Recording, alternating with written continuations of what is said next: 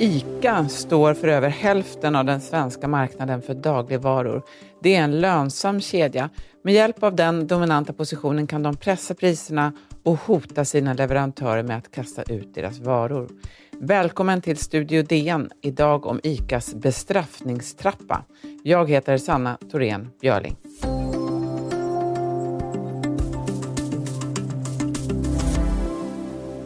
Ja, tre livsmedelskedjor dominerar helt i Sverige. ICA, Coop och Axfood som har kedjor som Willys och Hemköp. Där oligopolet gör att producenter av dagligvaror har ett ganska uselt förhandlingsläge och är i händerna på köparna, de tre jättarna där. Juan Flores, du är reporter på DN. Hej! Hej! Du har ju granskat ICA som är störst av de här kedjorna med 52 procent av marknaden. Eh, det är de enskilda ICA-handlarna som tillsammans äger hela den här koncernen, är det så? Ja, de är ju eh, medlemmar allihopa i det som kallas för, eh, för eh, ICA-handlarnas förbund. Och ICA-handlarnas förbund äger i sin tur det aktie, aktiebolaget som är noterat på, på börsen. Då, då. Men varje ICA-handlare äger ju sin butik. Just det. Det går ju bra för ICA. Vinstmarginalerna är som du har skrivit större än flera internationella jämförbara kedjor eh, och är ofta över 6% En del enskilda ICA-handlare har uppåt 10% vinstmarginal. Den här vinsten, hur fördelas den? Ja, alltså eftersom att eh, ICA-handlare räknas ju som, e- som egna företagare så att eh, de tar ju vinsten till, till sina företag och eh, en del av dem, de riktigt stora, eh, ICA Maxi och ICA Kvantum-butikerna, de delar vinsten med, eh, med centrala ICA. Så att, eh, men, men de är ju som egna företagare så att de gör ju som de vill med sin vinst. De behöver väl kanske spara en del till företaget och så tar de ut en del i aktieutdelning och sådär.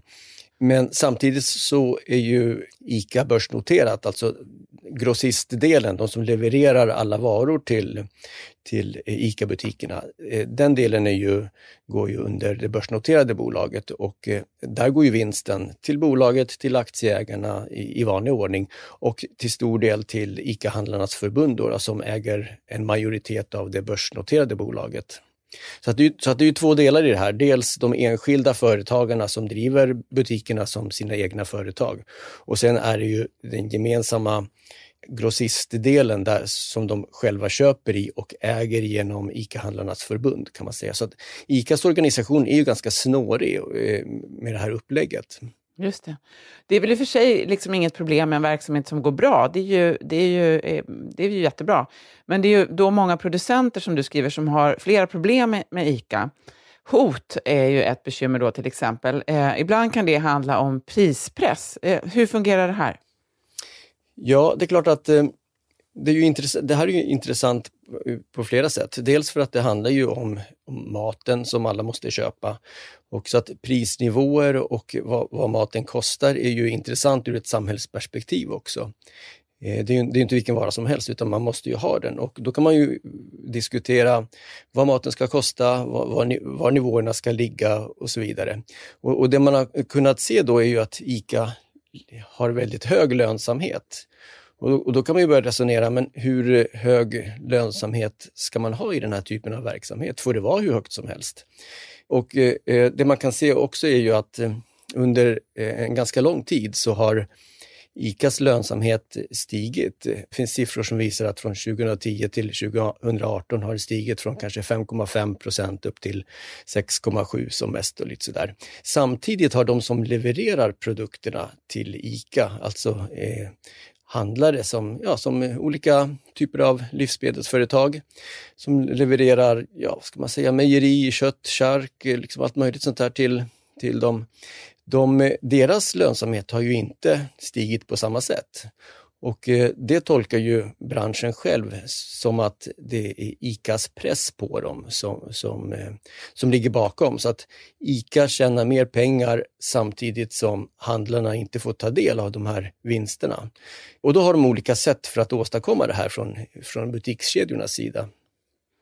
Och en del av de här är press, pressen på leverantörerna och producenterna att att sälja sina varor billigt till ICA då, för, eh, de sker eh, ofta muntligt, skriver du. Varför är det på det sättet? Ja, själva uppfattar de det som att, att det är en påtryckningsmetod som de inte vill ska dokumenteras. Och här är det egentligen ingen skillnad mellan ICA och de övriga butikskedjorna. Så, så, att de här förhandlingarna om inköp och vad priset, priset ska ligga och vad varorna ska kosta, vad de betalar till producenterna, de är väldigt hårda i alla tre matkedjor. Eh, och sen, sen har, de, har ju kedjorna olika sätt att försöka påverka och trycka på leverantörerna för att hålla ner priserna och öka sina marginaler. Och det är här som man kommer in på de här metoderna som, kan, som de kallar för både lite så gråa, vissa kanske är ju, som kan uppfattas som ja, det hårda förhandlingar, medan andra är mera svartlistade av, av handeln för att man säger att ja, men det här är inte schysst, för att här, här har man gått för långt. Liksom. Vad kan en producent eh, råka ut för då, eller en, ett, ett litet livsmedelsföretag? Eh, eh, när det gäller priser eller vad du kallar för avlistning. Vad är det för någonting? Ja, alltså vad vi har sett så finns det ju olika vad ska man säga, hotnivåer, olika på, påtryckningsnivåer som handlarna använder sig av. Och då har vi hittat ett exempel som rör ICA som är den här så kallade hottrappan som vi har, som vi har skrivit om, eller som vi tar upp i, i, i det här reportaget. Och, och det är ju då att man, man eh, har olika nivåer beroende på hur mycket man måste trycka på en livsmedelsproducent för att, för att, så att säga, rätta in sig i ledet. Och Det kan vara allt ifrån att de, de första grejerna är att ja, men vi tar inte in några nyheter från er. Så att har ni en ny produkt, då tar vi inte in den i butiken. Det är, den, det är kanske den första nivån. Nästa nivå är att ja, men, ni kommer inte få vara med i våra annonser. Så att i ICA-bladet, det här som går ut till konsumenterna, där får ni inte vara med. Ni får inte vara med på ICAs reklamfilmer, de här som i TV. Det är liksom nästa steg i den här hottrappan så att säga. Och sen fortsätter det så neråt med, med hårdare och hårdare metoder. Allt från att man skyltar dem sämre i butiken, de får, de får mycket sämre plats i i hyllorna. Och sen det, det, sista steget som, som är det som är mest kännbart för livsmedelsproducenterna, det är ju att man eh, har, eh, tar bort alla produkter ur butikerna. Det slår ju väldigt hårt mot deras försäljning direkt. Det, det slår ju hårt mot ekonomin. Mm, just det. Vi ska strax eh, prata mer om vad ICAs metoder får för konsekvenser.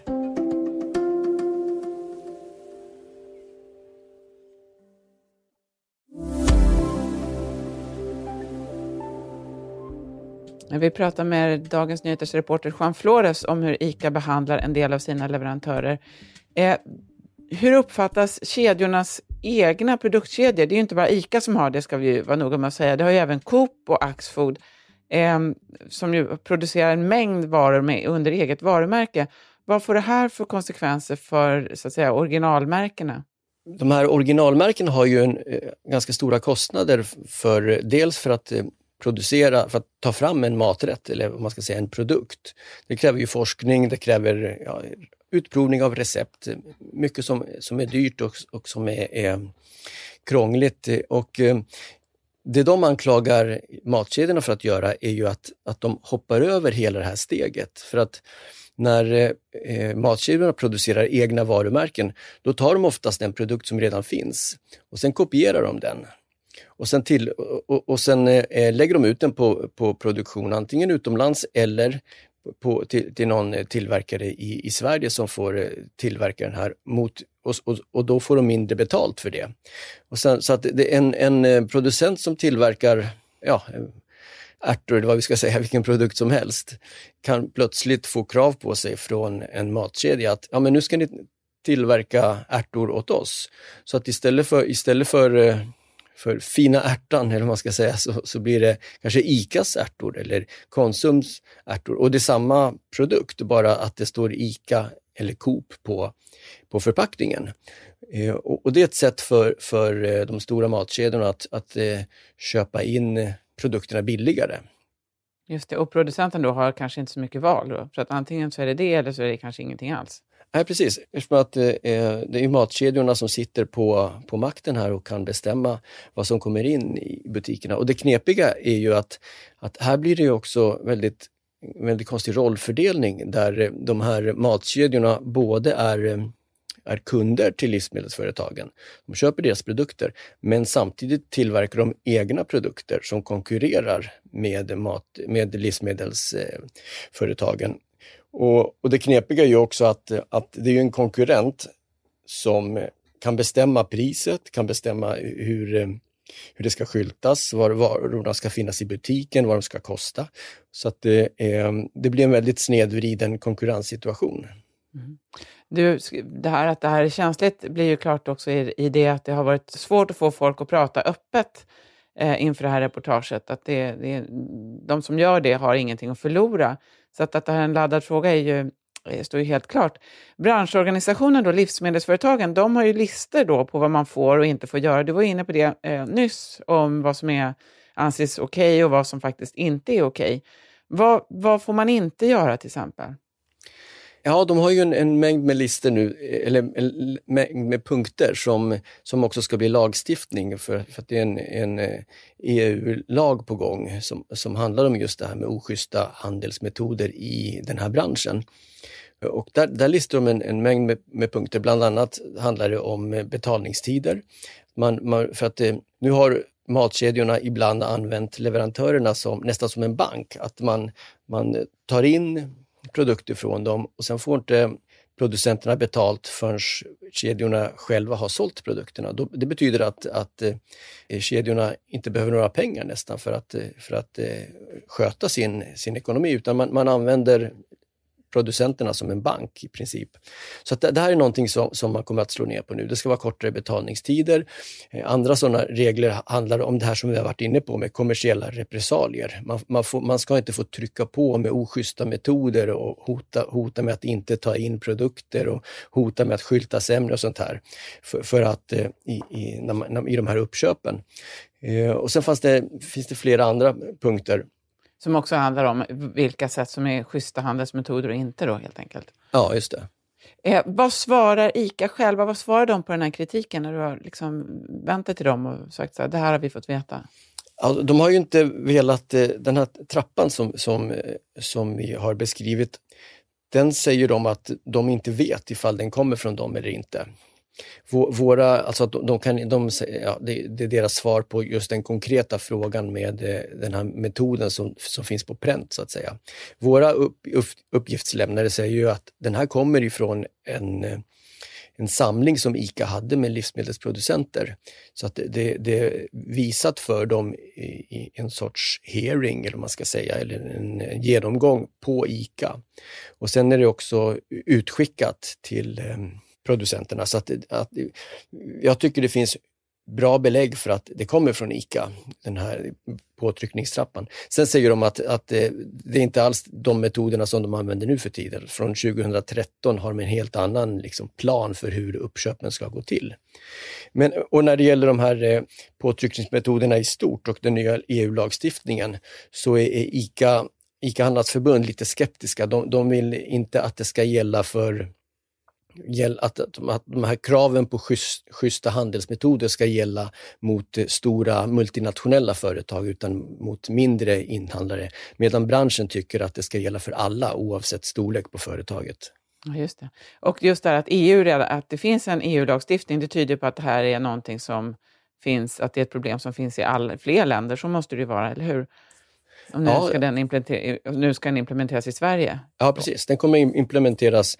Det, det, det pågår ett arbete nu i, på näringsdepartementet och nästa år, nästa höst, ska det bli svensk lag införlivas. Så det, det, striden står nu egentligen om hur långt den här lagen ska gå. För i Sverige så föreslår man att, att den ska gälla samtliga företag medan i, i EU så, så finns det en, en så att säga, nedre gräns över hur, hur det bara det är bara för, eh, för riktigt stora företag som, eh, som det ska gälla inom EU.